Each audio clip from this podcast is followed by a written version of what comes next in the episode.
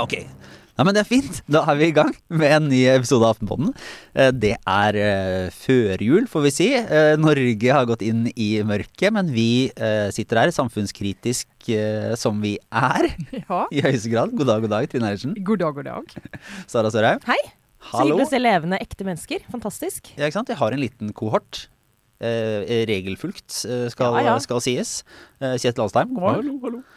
Og jeg, Lars Klomnes. eh, Det er nok en uke. Eh, Det er vel i Jonas Gahr Størets eh, navn dette her, egentlig. Eh, Hvis det er sånn at han liksom, drømmen han bar på om å bli statsminister, mye omtalt gjennom valgkampen og alt mulig rart, handla om å få stå foran nasjonen og holde pressekonferanser og eh, prate og legge ut, så er den eh, allerede godt på vei oppfylt. Ja, Sjekk på den. Og det var et eller annet tidspunkt her tidligere i høst der jeg sa at jeg hadde sett litt lite til Jonas Gahr Støre. Det eh, kjenner jeg ikke på nå. Ja, han er en ny norsk mester i pressekonferanse. Ja. Så hvis han var misunnelig da Erna Solberg holdt på eh, våren 2020, eh, så, så holder han på å ta igjen. For nå har det vært mye siste, siste uka og, og, og siste Ja, halvannen altså uka. Kjetil. Siden forrige podkast så har det vært, eh, har det vært holdt pressekonferanse om uh, strømkrisepakker, om eh, koronatiltak, pressekonferanse for barn om korona, og oppsummerende pressekonferanse. For under en uke. Eh, Vi kan starte med den eh, oppsummerende, som jo pleier å være en sånn hyggelig liten anledning eh, der eh, pressen får komme til statsministerboligen, kanskje spise noe eh, julekaker. Ofte litt sånn eh, smågod snitter. mingle litt. en del litt sånn selvopptatte spørsmål. Eh, Syns du jeg er flink journalist? ja. Bare formulert litt Hva, hva annerledes. syns du om saken min? ja, altså påfallende mange spørsmål som er veldig lange, som er en sånn, har liksom et, et er for å vise hva vi kan. Ja, Mm. Uh, men som jo er en hyggelig uh, liten Hyggelig. tradisjon, da, får vi si. hyggelig tradisjon. Men, eh, men eh, denne uken, eh, var det for det første, var det gjennomført på samme måte? Eller Nei, det var ja, samme måte som i fjor, Ja. som også var ikke på den vanlige måten. Det var, altså Vanligvis er det jo runde bord, og man setter seg ned. Så kommer statsministeren litt før pressekonferansen begynner og setter seg litt, ned ved de forskjellige bordene og småprater litt. Uh, men nå var det sånn enkeltstoler og plassert med god avstand til neste, og så en liten sånn juletrefestpose til hver. med En goodiebag? ja, en liten goodiebag med uh, noen småkaker, Uh, en uh, sandwich med laks, en klementin Nei, vet du hva. Nå må du og, og en eplejus. Det som manglet, var den der rosinesken. Ja, Jeg kan bare Unnskyld, at dette har ingenting med Støre å gjøre, men bare sånn kan vi bli kvitt den der klementinen i de der posene en gang for alle? Så det, liksom, Seksåringen inni meg begynner å gråte av liksom nok en gang dere åpner en sånn godtepose og så oppdager at det er en forbanna klementin. Ja, som er så mye tyngde. Som er sånn, det her er liksom, Ja. det er substansen i denne ja. Ja, og gjerne har den kanskje blitt litt klemt og rent ut sånn ekkel klementinsaft på det lille godteriet som faktisk var oppi der. Altså, det er bare sånn, ikke gjør det. Det er bedre å bare få en tynn, liten, lett pose. Det, det er litt enig med å skille sånne ting fra Ja. hverandre. Frukt er ikke godteri. Ok, tilbake til Støre. Ja, altså, men det er, altså, det er jo, Han har jo sittet nå i to måneder, og det har jo ikke vært den sta- starten de ville ha. Eh, Når du, når du har fått uh, to store kriser, uh, strømkrisen og return of pandemien, eh, oppå, så, så, så det var ganske preget av det. Og han sa jo på et tidspunkt at uh, som politiker vil man jo eh, helst drive og for liksom, skape nye, ny politikk og innføre nye ting for folk, og ikke drive og håndtere kriser. Men det er jo det som er jobben som statsminister. Det er noe av det aller viktigste du gjør, er å håndtere den til enhver tid eh, den krisen som til enhver tid måtte ramle inn døra. Og det, det skjer for alle statsministre. Men ok, det skjer for alle statsministre. Men det er, det er noe Det skjer liksom ekstra ofte med Jonas Gahr Støre. Det, det bare Det ligger bare sympati her, altså. Men, men han er jo liksom den karakteren som, som ligger med Han er liksom prinsen som har landet foran seg og store muligheter og, og, eh, og blir leder i Arbeiderpartiet og, og i og for seg gjorde et veldig bra valg i, i 2015. Og så, og så er det liksom et dårlig valg, og så er det masse internt bråk, og så blir han endelig statsminister, og så lysner han ikke helt da heller, og så får han ikke den regjeringa han ville ha. Og så får han pendlerboligsaken. Ja, Ja. Som, han ikke, altså, som er bare sånn ramler inn eh, for hans del. Og så Eh, og så kommer det en, en strømkrise og en ny runde med korona, og det bare Det vil seg. Han fikk jo et spørsmål der som var sånn uh, Jeg husker ikke helt ordlyden, men det var et eller annet sånt Tenker du av og til at du hadde fortjent bedre? Tross alt født med en sølvskje i munnen, liksom. Ja, Burde ikke det begynne å bare- betale seg snart? Som om bare spiser dårlig grøt? Ja. Men altså, hvis du skal tenke på sånn, den karakteren Det er litt sånn fristende å gripe til liksom, altså, type sånn tegneseriefigurer. Altså, men hvis du tenker sånn at han er litt sånn, litt sånn Donald Duck, på en måte For det, så det går gærent. Og så er det jo en fetter Anton der ute, sant? Som snart kommer tilbake fra Brussel. For alt bare sånn Oi, det faller meg så lett. Ja. Jeg skjønner ikke hva som skjedde nå. Det, bare, oi, ja, det var bare en krise som jeg bare håndterte helt perfekt. I hvert fall sånn når årene har lagt seg på minnet. Man tenker sånn Ja, der hadde vi en bra krisehåndterer. Eh, så det er jo et litt uheldig setup der, liksom. I denne historien, slik den er nå, så er det på en måte Så er det Fomlesen Støre som på en måte får et eller annet fint som man knuser. Altså det Ja, han må få brutt den derre karakter... Uh, hva heter det for noe? Liksom ark, the ark, hva heter det på norsk? Men altså den, den karakteren må utvikle seg snart, for hans del. Hvis ikke så blir det fire veldig lange år. Ja, også, men da er jo spørsmålet, da. Fordi, altså, er det Jonas Gahr Støre som fomler, eller er det bare at det, altså, Som du sier, alle statsministre får kriser. Uh, det er jobben. De, han, må, han må bare håndtere det, og, og gjør det i og for seg helt greit. Eh, Jeg tror det er litt av begge deler. Fordi det, altså det Alle så at eh, Eller man diskuterte jo allerede på slutten av valgkampen at strømprisen blir et tema. Men verken den forrige regjeringen, altså Solberg-regjeringen, eller den nye tok liksom fatt i det med en gang. Sånn at, og det tror jeg har litt med at de eh, altså Solberg-regjeringen de var på vei ut. Ja, jeg skal si vil, altså, eh, de, litt, de kutta litt i elavgiften i budsjettet, og så var det liksom OK, dette problemet er Vær så god. Ja. Og, og Støre-regjeringen de var jo ikke opptatt av De skulle jo gjennomføre Hurdalsplattformen. Oppfylle alle de løftene i 100-dagersplanen til Arbeiderpartiet. Og åp, gjenåpning på Nesna, og oppløse fylker. Og, og som Trygve Slagsvold Vedum, da, en av de dagene nå, eh, mandag i forrige uke, da det strammet seg til mot uh, nye tiltak, så var han på besøk i Kristiansand for å snakke med mot de som er fra da gamle Søgne kommune og vil ha kommuneoppløsning. Det var det han brukte tid på da. Ja. Mens eh, Vestre, ble, så næringsministeren, ble kalt tilbake fra New York og sånn for å begynne å jobbe med kompensasjonsordninger. Så det sier litt sånn hvor du har hodet. Mm. Du har vunnet et valg, nå skal du gjennomføre. Det er det du vil drive med. Og så ser, du greier du ikke se helt at oi, det er egentlig noe annet som er mye viktigere. Så kommer noen synkeminer eh, der borte i fjorden. Mens, og det, det er jo problemet med å ha sånne reverseringsprogram. sant? Og vi skal eh, bryte opp fylker og liksom holde liv i det der. Så, så under radaren nå så driver jo masse sånn nyere fylker og skal eh, gå fra hverandre igjen, og det er nye debatter om det. Så bare tenker er det virkelig det viktigste vi skal snakke om før jul i 2021? Det er, det er bare helt pinlig. Men eh, eh, altså covid, da, der det har vært eh, kanskje mest utvikling siste, siste uka. Hvis jeg liksom skal ta på meg da eh, forsvarerhatten da, for Jonas Gahr Støre, eh, så kan man lure på Han får litt sånn kritikk nå for å, for å virke litt sånn uforberedt, eller at regjeringa ikke liksom vingler inn i dette her, eller er, er litt sånn Kommer stykkevis og delt. Men det framstår til tider litt som en sånn kritikk bare av hvordan det tar seg ut. Altså hvordan, At det, liksom, det ser litt sånn rotete ut fordi at det er én pressekonferanse i en uke, og så må man ha en ny en neste uke. Um, og så er det en litt sånn overfladisk kritikk, kan det se ut som, fordi at det, dette er utvikler seg så fort. Er det, er det har det ville vært mulig å planlegge for det som har skjedd nå? Er Liksom hele verden er jo plutselig i endring igjen. Ja, men jeg tenker Det er liksom minst to, to elementer her. i Det Det ene er rent sånn the optics eh, i det. Altså måten Støre kommuniserer på. Ta det først, da.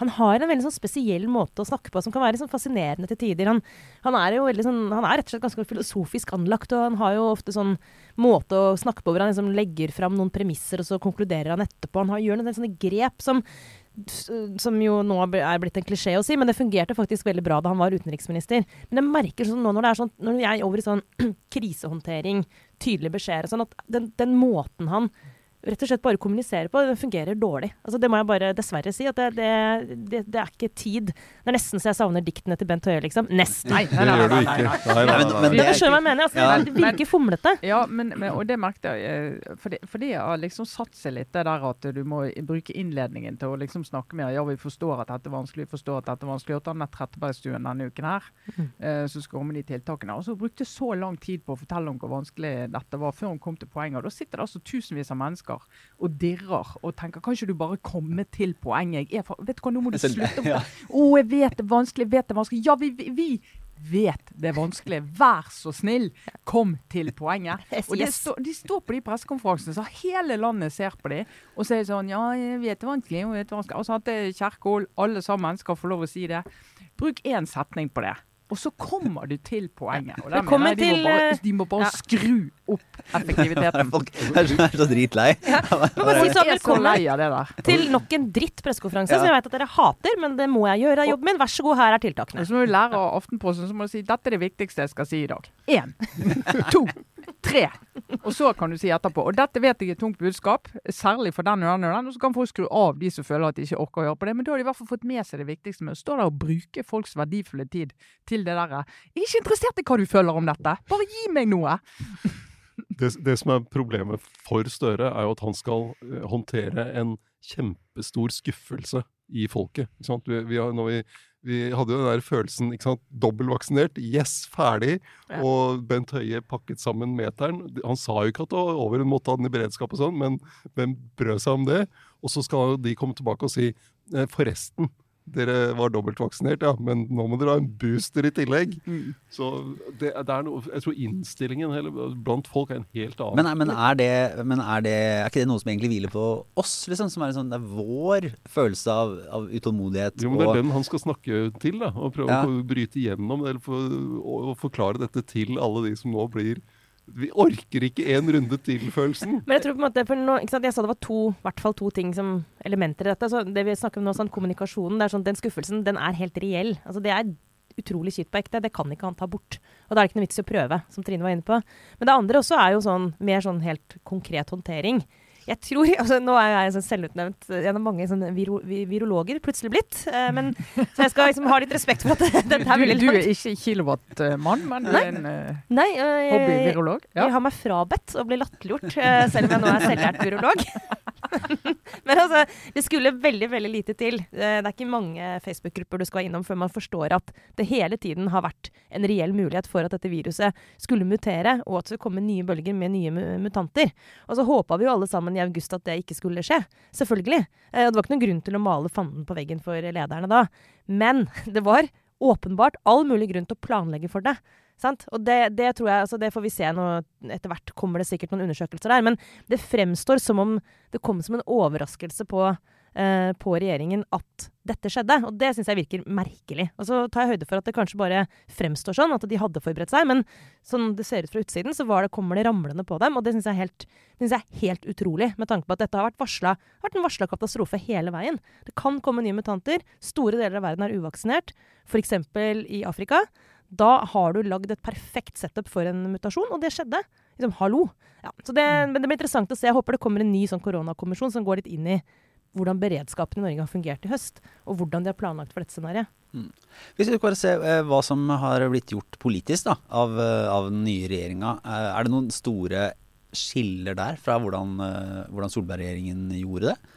Er det sånn det man ser nå i, i tiltak eller pakker som, som viser at det, nå er det nye koster og, og en helt annen tilnærming, eller er det stort sett det samme?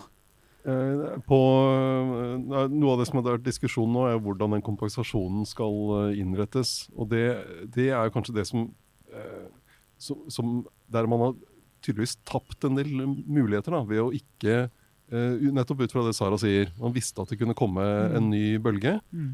Og det har vært ganske mye kritikk mot den kompensasjonsordningen til næringslivet eh, som man hadde. Hvorfor har man ikke brukt den tiden til å se på, hvis det kommer en ny bølge, hvordan skrur vi sammen dette på bedre vis? Hvordan unngår vi å stimulere til permittering? Hvordan greier vi å holde aktivitet oppe? I stedet så blir det sånn at de bare må dra opp igjen den samme kompensasjonsordningen, og så prøver de å flikke på den med noe sånn utbytteforbud og sånn, som er veldig usikkert om det egentlig har noe effekt, eller om de bare venter med utbytte til etterpå, altså til uh, greia er over.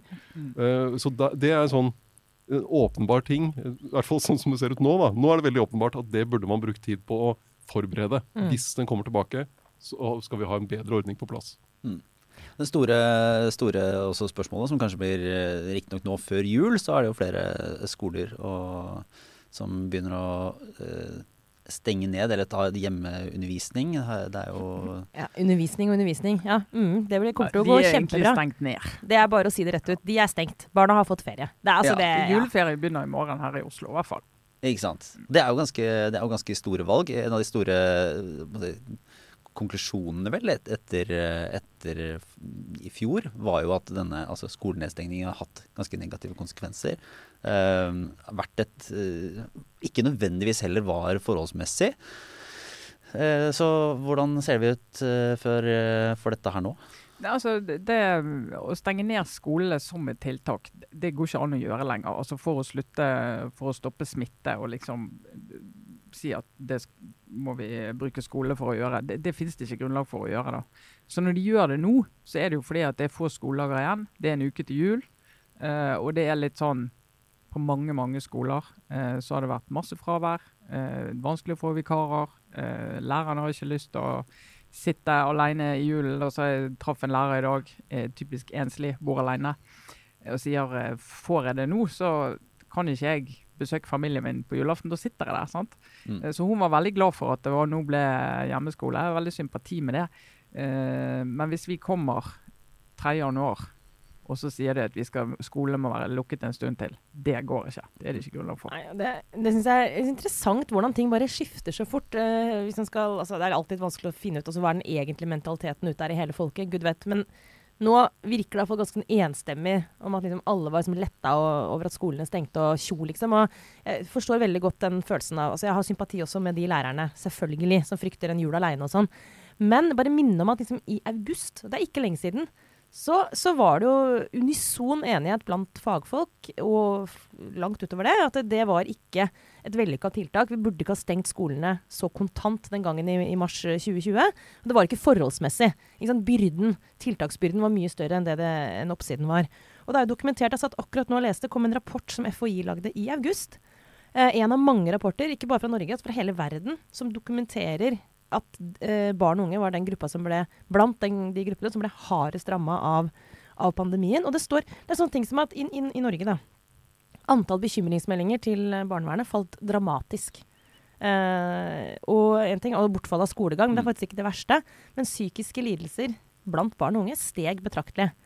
Så det er bare helt sånn der, det, er, det, er, det er ikke noe å lure på. Det er svart på hvitt dokumentert at det gikk utover en gruppe som er vårt ansvar å beskytte. Så jeg bare, jeg bare kjenner jeg begynner å bygge opp et sånt raseri inni meg nå. Hvis dette her liksom blir skjøvet til side fordi Altså Begrunnelsen for at de gjør det nå, er faktisk utrolig vesentlig. Ja. Altså Du kan ikke si at det er for å liksom stoppe smitten i samfunnet. Du er faktisk kny Mm. knyttet knytte til den spesielle situasjonen. Men så er det jo også et eksempel på en illustrasjon av hva som skjer når du har mye smitte i samfunnet. Da er det jo akkurat det som skjer at nei, alle kommer ikke på sykehus, og sykehusene kneler ikke. Men det er mange vesentlige mennesker som er vekke fra jobb, som må være på jobb. Eh, og det er ikke sånn som her eh, hos oss, når vi, om jeg kommer i karantene i morgen, så kan jeg sitte hjemme og jobbe. En lærer kan jo ikke det på samme måten. Eh, og så får de ikke tak i disse vikarene, og så har du plutselig 28 elever, og du har, altså, du har faktisk ikke Mm. folk til å være sammen med dem. Men det er superinteressant, for det handler jo en ting altså, Denne sykdommen er ikke definert som farlig for barn. Senest i Mm. går var det vel, var FHI nok en gang ute og sa at eh, covid-19 anses ikke for å være en farlig sykdom for barn. Ikke sant? Mm. Og så vet vi hvordan det kan eh, være, altså, arte seg forskjellig for eh, folk med underliggende sykdommer og gamle. Men det er klart at å beskytte barna mot covid-19 er ikke noe poeng å gjøre, egentlig. Vi skal tenke av hensyn til den gruppen. Da. Den smitten som er på skolen, den håndteres helt fint. Eh, men hvis vi har karanteneregler som sørger for at vi lammer skolen gjennom, som Trine var inne på, fraværet av eh, lærerpersonell, så vi, vi vil jo likevel stenge skolene pga. det. Så liksom de tiltakene er ikke bare selve smittesituasjonen, men også de tiltakene Hvis vi definerer covid-19 som så farlig for folk flest at vi må ha veldig omfattende karanteneregler, så går det også utover den gruppa. Så det er, det er utrolig krevende. Altså, hvilken gruppe er viktigst å forsvare? Er det eldre og folk med underliggende sykdommer, eller er det barn og unge?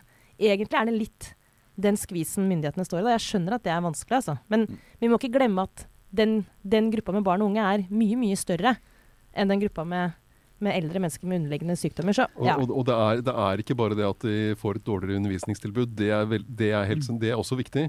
Men det er sårbare barn og unge som Trenger å være på skolen. å være på Mm. skolen og i barnehage. Og de trenger å ikke være hjemme. Ja. hele Men, da- men da er løsningen at når, de, når barna nå sendes hjem fra skolen, så sender vi alle de uvaksinerte inn på skolen. til neste uke.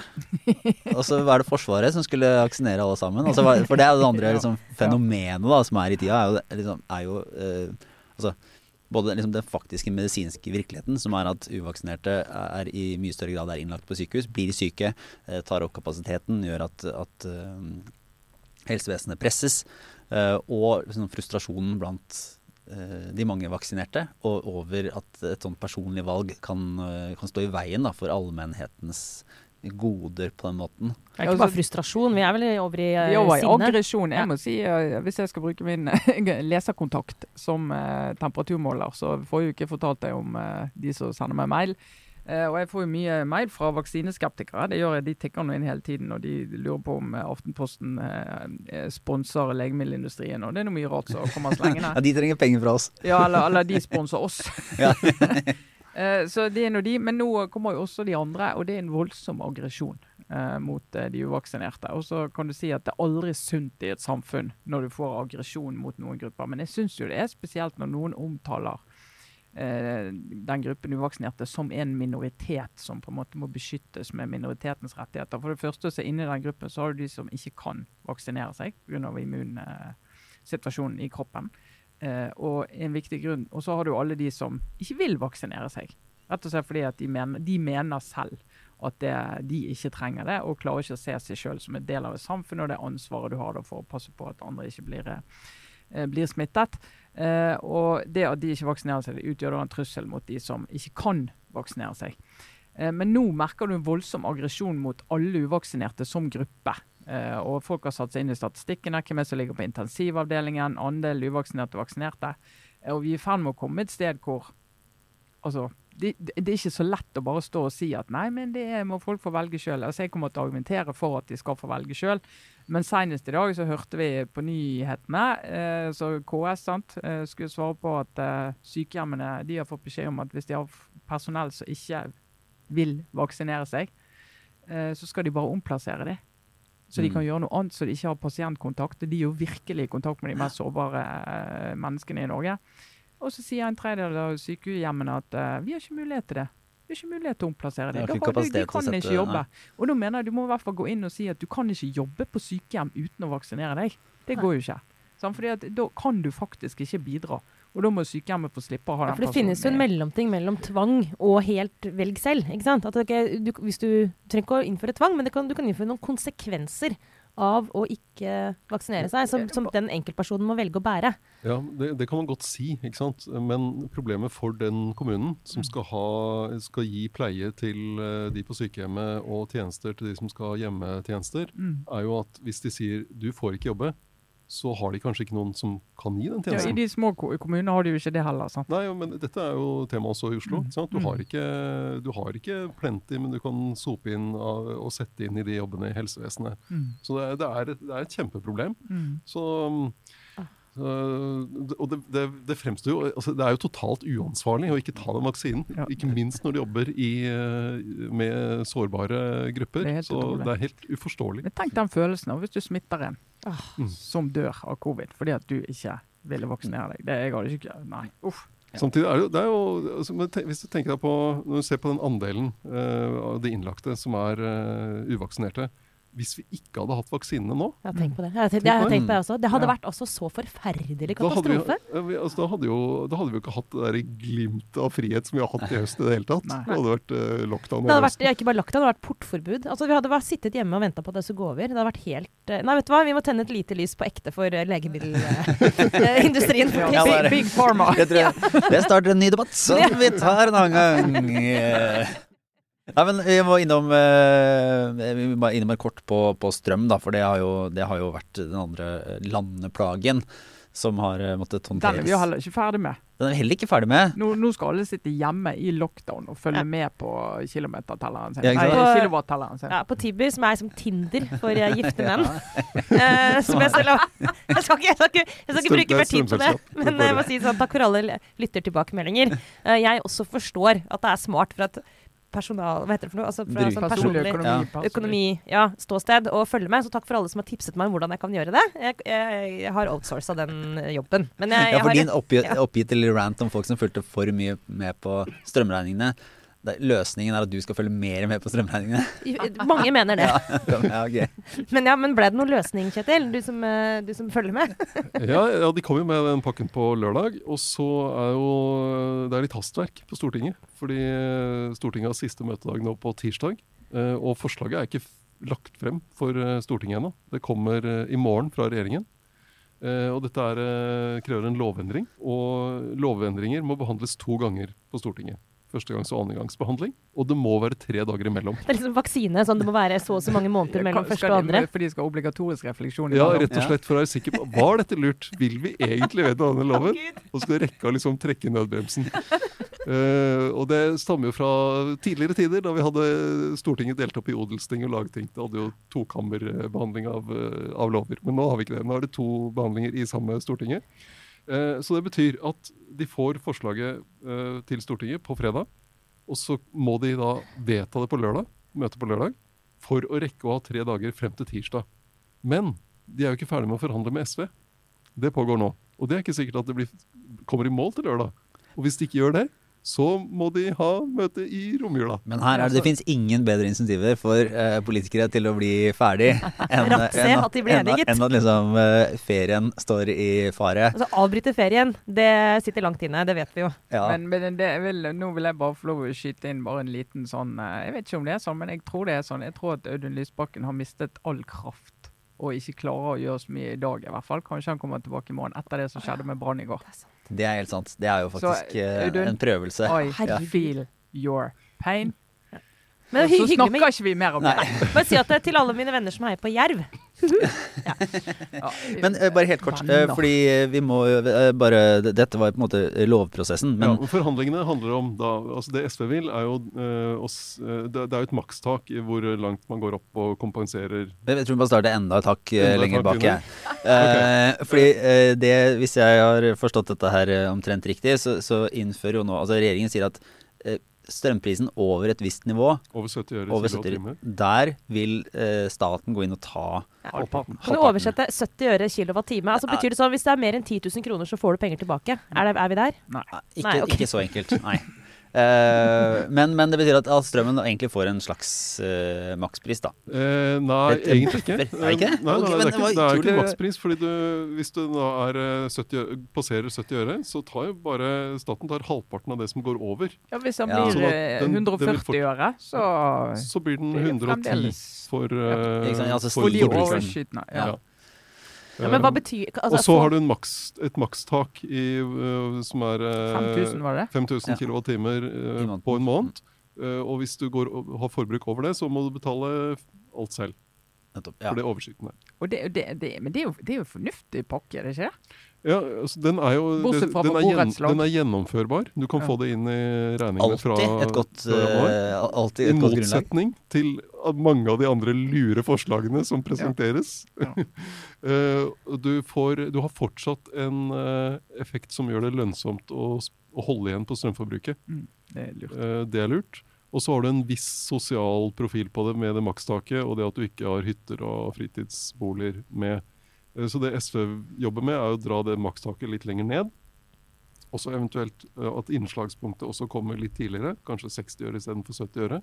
Og kanskje gi at staten bidrar mer liksom for å, for å eh, ja, dra, gi det enda mer sosial profil. Det er noe av det de forhandler om. Men elavgiftkuttet, det Det, det gjør de ikke noe mer med nå. Ok, så det er ikke sånn, Vi kan ikke bare skru på dusjen som Mr. Big og bare la det renne i en evighet. Uh, på selv, altså, vi må fortsatt tenke at vi skal spare litt strøm. Det koster fortsatt penger å bruke strøm. Nettopp. Ja. Okay. Det er jo også en grei Det er opplæring, da. ja, det er lurt. Jeg skjønner Ja, ja. også at det er lurt. Mm. Jeg begynte å skru av lyset når jeg går ut av leiligheten, ja, altså. What? Ja, ja, ja, det er sant. Det er fremskritt. Mm. fremskritt. Eh, da tror jeg vi går videre til en runde obligatorisk Men skrur du da på lyset på Er det nå på juletre? Eller er du allerede der? Ja, altså, skal vi snakke om uh, jul? Jule... Vi kan begynne min obligatoriske refleksjon denne uken. Eh, fordi jeg, jeg, jeg tok meg i å ha, ha foretatt et lite skifte. Det altså er jo en min lille familie etablerer jo nå liksom nye egne juletradisjoner. Mm -hmm. uh, Som der blant annet innebærer omgangssyke før eller under Ja. julefeiringen. ja, det altså det er veldig fint å få ta del i det som er den norske juleopplevelsen. Den norske som jeg bare har, bare har hørt om i, i, i årevis.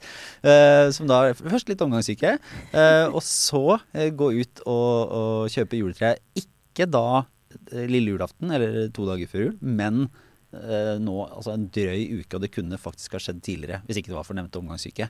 Altså, eh, det er jo Det føles litt sånn syndig, eller Ja, det er et du, eller du har satt det opp og pyntet Satt det opp, pynta. Eh, vakkert og flott i, i hjørnet i stua.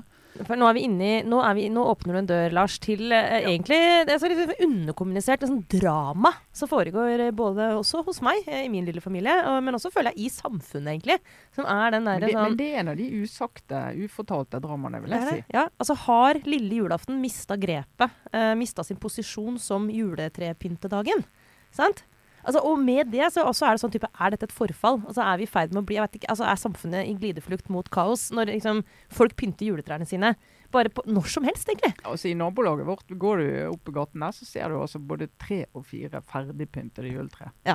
Ja, ja. eh, Ja. Og- og I hvert hus. Nei, ja, nei. Jeg har ikke så fancy nabolag, tross alt. Nei, altså, og jeg må si, nå står jeg frem. Jeg har aldri pyntet juletre før eh, lille julaften. Jeg er jo vokst opp med det som alle er vokst opp med. Og så har jeg tenkt at eh, nei, sånn må det være. Og så plutselig, nå i helgen, kommer jeg til å kjøpe juletre. Kommer til å pynte juletre. Kommer til å gå og kjenne på, på en måte kanskje frigjøring, men også litt skam. Men Ja, for det er, ja. er, man en del av den, er man liksom en del av bevegelsen som spiller julesanger i oktober? Det liker jeg ikke å tenke. For Nei, det- er, det eh, går ikke. Nei. Nei, der går grensen. Nei, Det, det går det, kommer ikke. neste år, det nå. Ja, du ja, er, du det er er et sånn slippery Ja. slope her, Ja, det er jo slipper men altså, også tenner jeg jo også adventsstaken. Der kjø- kjører jeg hver dag. Jeg bare bytter lys hele tiden. Ja, ja, så droppa det med søndager. tenner tenner. Sånn at du liksom har sånne lys som bare står sånn uh, halvbrent uh, gjennom Mm. hele desember, og du bare tenner søndag. Det gjorde jeg før. Ja. Men det har jeg sluttet med. Nå bruker jeg det hele tiden. Da kan jeg også stå frem og si at eh, jeg i går Hvor tidlig begynte du med Ja. Lucia-tog i familien? September. Ja, nei, det, det driver jeg ikke med. Driver ikke med det. Ja. Dette er bare, for jeg tror på en måte Det er jo der man møter seg sjøl, eller sin familie og sin kultur. egentlig, Hele sin at. Eh, Mest i døra er jo liksom jule, juleforberedelser og hele juleopplegget, liksom. Og jeg har jo også tviholdt på at det, det er jul først lille julaften. Men jeg kan jo også stå frem, da, siden vi er i bekjennelseshjørnet. Jeg pynta juletreet i går. I går! På en helt vanlig hverdag, ikke engang i en helg. Altså, og det, 15. desember. I know. Og det, og det var diskusjoner, og jeg følte meg så skitten. Uh, Det kommer til å begynne å drysse. Jeg vet det har allerede begynt å drysse. Jeg liker katastrofe. Men ikke nok med det. Pynta juletreet. Og jeg pynta det med Altså, jeg har gått all in i sånn glitter, glitter og stas. Altså, jeg pynta juletreet som en forbanna blogger. Altså, det var så mye! Det er så mye juggel på det treet, og jeg elsker det. Men nå, nå skal jeg utlevere min stakkars mor, men hun tror ikke jeg hører på podden. For at hun er jo 68-er, sant? Altså, Og veldig sånn spon, spon og hjemmelagd eh, En julenekpynter. ja, Nesten at det var litt krevende å ha norske flagg på juletreet, for det er jo litt sånn nasjonalistisk. Altså, Nesten. som vi måtte ha liksom, Altså, Afrikaflagg også, på en fletta kurver og sånn, det er bra. Fletta kurver er bra. Spon, altså sånn tre treting. altså, og, og fletta ting som barna har lagd. Og, eh, og da flagg, faktisk. Null glitter. Ja, så at det, i går jeg Ikke tror glitterne. aldri hatt glitter på juletreet. Nei. Men her, her er jeg ikke glitter, ikke flagg. Eh, Hva julekule har du, da? nei, altså blanke og et eller annet. Altså, sånn, jeg, det er, her, er- jeg er eh, streng på dette her, altså. Det skal eh, Ikke vatt. Det er kanskje to ting av vatt. Men nå begynner ikke du å få sånn barnelagde ting som skal henge på det? Jo, det kommer inn nå, men det er sånn, jeg, jeg kan ha ting av mitt eget barn. Ikke andre barn. Men da kan jeg sånn barnepynt, for da blir det jo det, stygt. Men altså, jeg lot eh, Nå, herregud, altså, stakkars familie. Apropos bloggere, sånn utlever familien sin. Men altså, også femåringen ville jo synes det var veldig gøy å pynte tre i går. For det ble en veldig fin ting. Det ble veldig koselig. Men jeg skal bare innrømme at etter at han hadde lagt seg, så bare flyttet jeg på alt han hadde pynta. Ja. det så jo ikke ut. Det må være lov å si. Men, men jeg tror på en måte for å komme til poenget her, da Det er jo ingenting hyggelig som skjer i adventstida. Så det nå og nå er det så mye som er avlyst, og det er litt derfor jeg tenker at nå, vi må bare kjøre på med Kjøre på med lys og pynt. Ja, men Ja. om vi kanskje kan være enige om, sånn, om vi kan ha en sånn samfunnskontrakt? For det har man jo i velfungerende samfunn. Ja. Man bare sier sånn at det er unntak. Det betyr ikke at vi trenger å gjøre det sånn hvert år, men det er bare sånn Vi gjør det nå. Men, altså. men så det- det jeg tenkte å gjøre, var å legge det som en kalendergave. Hva da? Nei, jeg bare si i dag skal vi pynte juletreet på en lapp. for Fordi jeg har jo, mangler jo masse kalendergaver. Jeg mangler faktisk hele neste uke. Det er desperat. Og så alt, alt, alt jeg skal gjøre, eh, eh, knytter jeg nå til en mulighet for å lage en kalendergave. Men, men når, de, når, når dere nå fremstiller dette som et sånn krisetiltak vi Ja, det er et av tiltakene. Så, så, ja, altså det, er, det blir som i politikken. Vet du, når du først har innført noe, så blir det aldri Det Du greier ja, aldri å rulle tilbake igjen. Nei, nei, nei. Uff. Ja, det er, det Men, sant. ja, nei, men det, det var vel omtrent nok på det, det Jeg temaet har her, da. ikke pyntet juletre Nei, du har ikke det? Nei. Men er det fordi at du er en purist, eller er det fordi at Nei, du det egentlig er er litt lille julaften. er jo Det, det, Ja. Ja, du, du, er, du er en konservativ mann. Ja. Nei, nei, men altså, og så bare, bare for å ta sist Men bare for å avslutte på julepyntfilosofi, da. Fordi at, Det er det eh, viktigste vi snakker om, Det, det er jo en veldig rar ting første gangen du skal feire jul uten altså hjemme eller pyntet juletre Ja. vekke fra dine foreldre. For du gjør jo ikke det før du får barn. Har jo ikke juletre med masse julepynt før du Nei, får barn. ikke. Og da er du hos familie i jul og har en gran stående der borte i hjørnet. Gjør ikke det. Så, tenk, så første gang, Julepynt er jo ikke billig, sant? så kjøper du kanskje en billig pakke med et eller annet. Men nå, altså, nå er jeg begynt å litt sånn ja, samle på julepynt. Eh? Ja. Kjøper litt fin julepynt hvert år. Så det kommer til å være så fint til slutt. Når jeg går under torvet. Så kommer det til å være sånn komplett. Jeg kjøpte julepynt for 800 kroner her om dagen. Juletrepynt. Ja, Ja, ja. Det er dritdyrt. Det var veldig fint. Det her er... du skal bruke strømkrisepengene dine til Snart så kommer han der eh, Kvadsheim til å ringe meg og Ja. tilby meg krisehjelp. Men det, gud, jøye meg så mye lys det er i samfunnet. Det er jeg glad for òg. Lys overalt. Ja, ja, ja. Det er eh, Lys, lys, lys.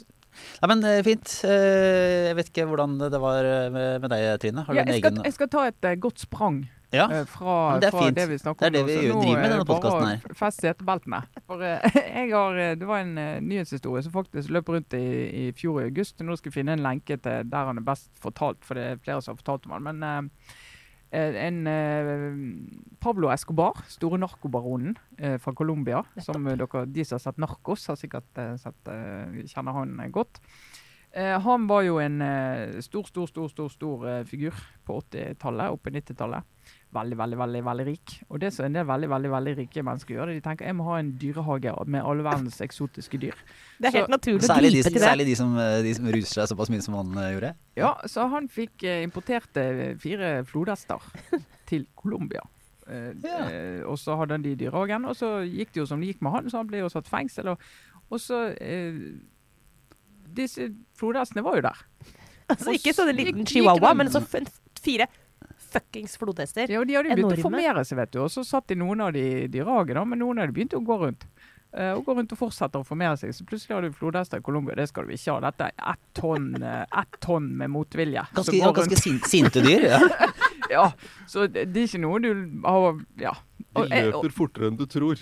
Ja. for å si det sånn eh, eh, Flodhest i Colombia er like naturlig som mink i Norge. Ja. Ja. Og jeg mener parallellen er soleklar. Men så fant de ut at de må i hvert fall slutte å formere seg. Det må de gjøre. De kan ikke få flere eh, valper. Nei. Halvor? Kalve, ja. Rumpetroll, tror jeg det er. Ja. Rumpetroll er det nok. Følg. Og, det, og, og, og så kan du tenke Ja, så er det jo bare å kastrere, da. En flodhest på ett tonn som er Hvem fikk den jobben? mannevond. Ja. Nei, så er jo denne veterinæren som er med på dette, forteller jo levende om Først så må du bedøve den. Og det er jo ikke lett. Han har fem centimeter tjukk hud. Det er sånn skal- rustninghud. Og så kommer han bare opp av vannet på natten. så skal du bedøve han, og så skal du eh, gjøre en liten operasjon, et bitte lite snitt, på helt riktig sted skal du gjøre for å få, å få kastrert han. Og du vet, koster sånn 7000 dollar per flodhest få han kastrert.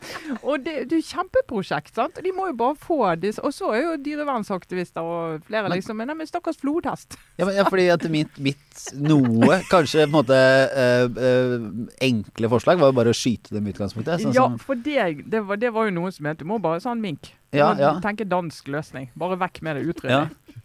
Og det, det Nei, det var Til og med noen er blitt litt glad i flodhesten. Tenker, skulle ikke, skulle ikke vi ha flodhest? Og det er jo Dyrevernsforsvaret som eh, sier vi må jo ha flodhest. Må ikke være stygg med flodhesten. Så jeg funnet, ja, vi kan ha litt flodhest, men vi kan ikke ha så mange. For de går jo rundt, og, Det blir litt som moskusen i Norge. og de trives kjempegodt. Ja, de trives kjempegodt i Colombia, eh, flodhesten. Nei, det er altså en så absurd sak, så jeg skal finne en lenke til den og lese om den. For det, det er sånn, ja, det skjer mye rart mellom himmel og jord, men det der med å importere det er det som er budskapet nok en gang. Importere dyr inn i fauna der de ikke hører hjemme. Bringer bare ulykke med seg. Mm. Det kan også lage pandemier, faktisk, så ikke gjør det. Please. Eh, Åssen er det med deg, Kjetil? Har du en obligatorisk refleksjon inn i førjulsuka? Nei, eh, jeg har ikke det.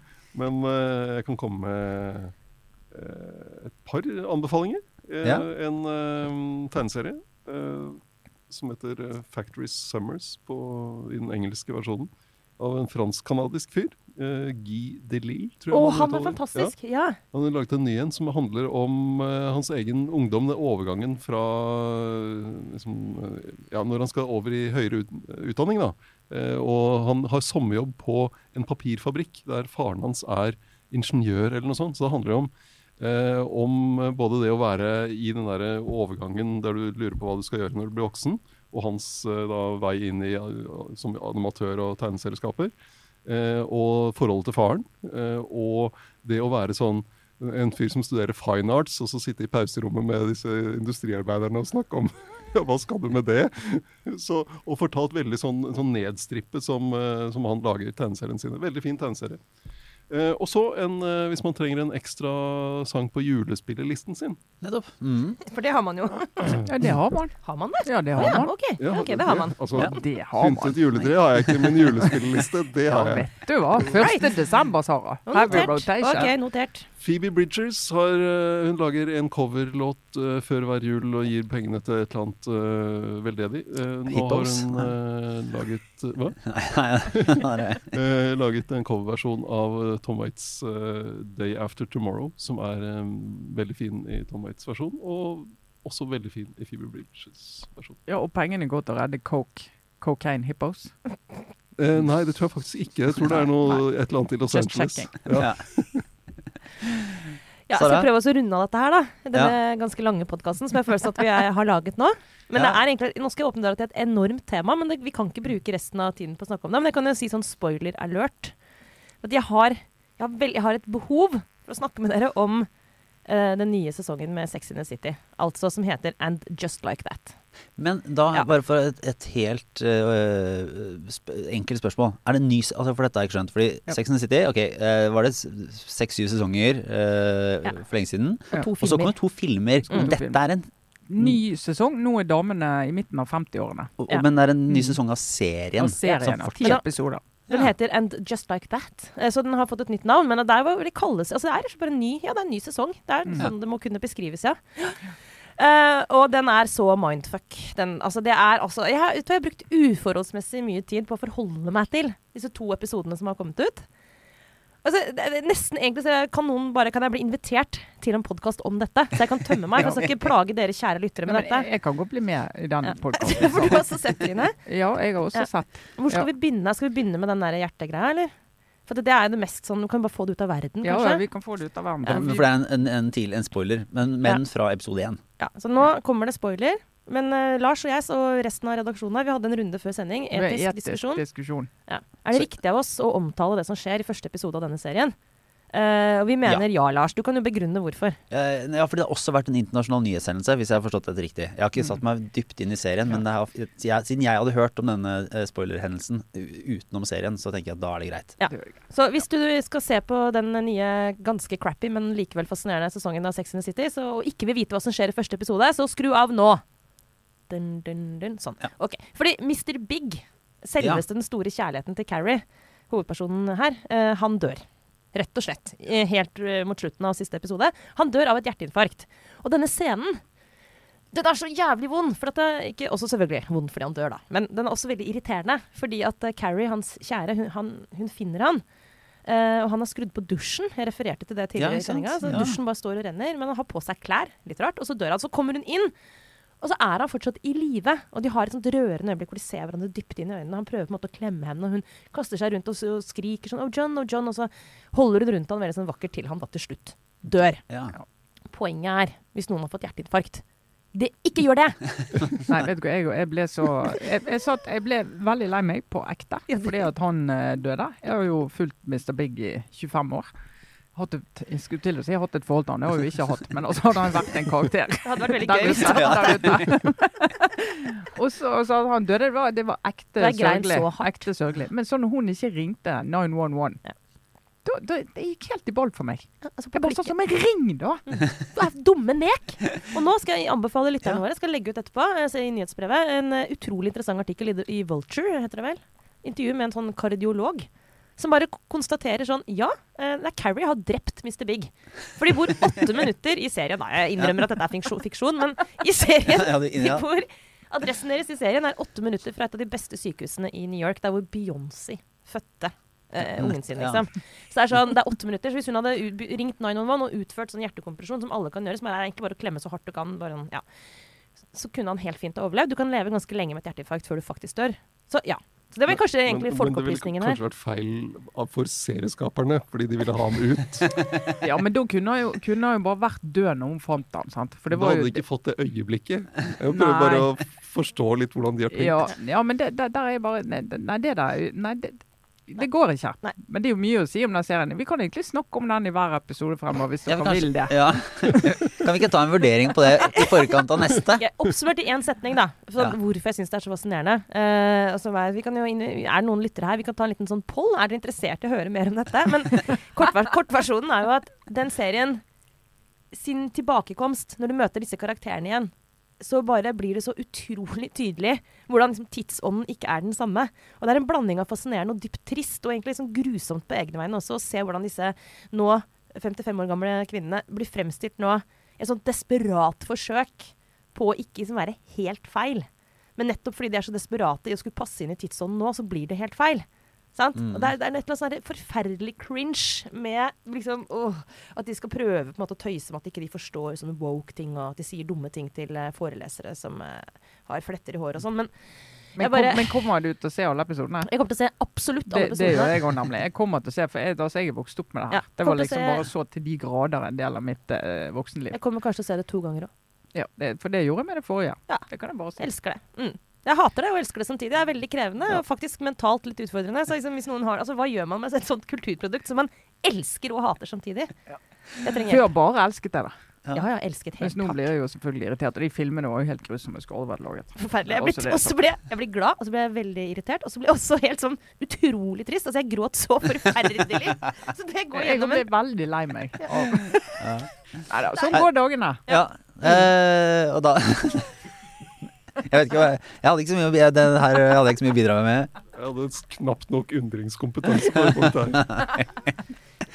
ja, men- Du er jo opptatt av å se sånne bulgarske teaterforestillinger og andre Altså, vi har et spenn. Det er bredde. Dette Det er, det er, er, dette det, er kvinne- og jentekultur fra millenniumsskiftet, altså. Helt det stå som skal en eh, i verdsettes. Ja. ja, men så bra. Eh, Da tror jeg vi takker for oss eh, nå. eh, For denne gang. For i år, egentlig. for i år, egentlig. Det var litt sånn usikkert om vi skulle ha en, en liten eh, Dere er jeg- ferdig med å pynte tre allerede, så vi har masse tid. La oss, la oss si at det, hvis vi får til en, en førjulsutgave, så er det en bonus. Ja. Så for sikkerhets skyld så sier vi god jul og godt nyttår La oss gjøre det. nå. Hvis politikerne på Stortinget skal jobbe i romjulen for å vedta strømkrisepakke Så mener du at vi også skal det. Men vi, Ja. men vi ble ikke kjørt hjem i limousin. Nei. Men det er van vanlige folks tur til å ha juleferie, vil jeg si. Ja, dette tar vi eh, klassisk sånn som vi kanskje egentlig kunne tatt utenfor sending. og så skal du bare si god jul og ikke godt nyttår ennå. sant? Ja, nettopp. God jul. Sånn er det vi sier. Sånn er det. Takk, takk, sjefredaktør. Det var Aftenbåndet for denne uka. Ha en eh, fin helg, alle sammen. Ha det bra! Dette tror jeg ble, egentlig ble passe lett. Ja. Så, på mange punkter. I, I en tung tid.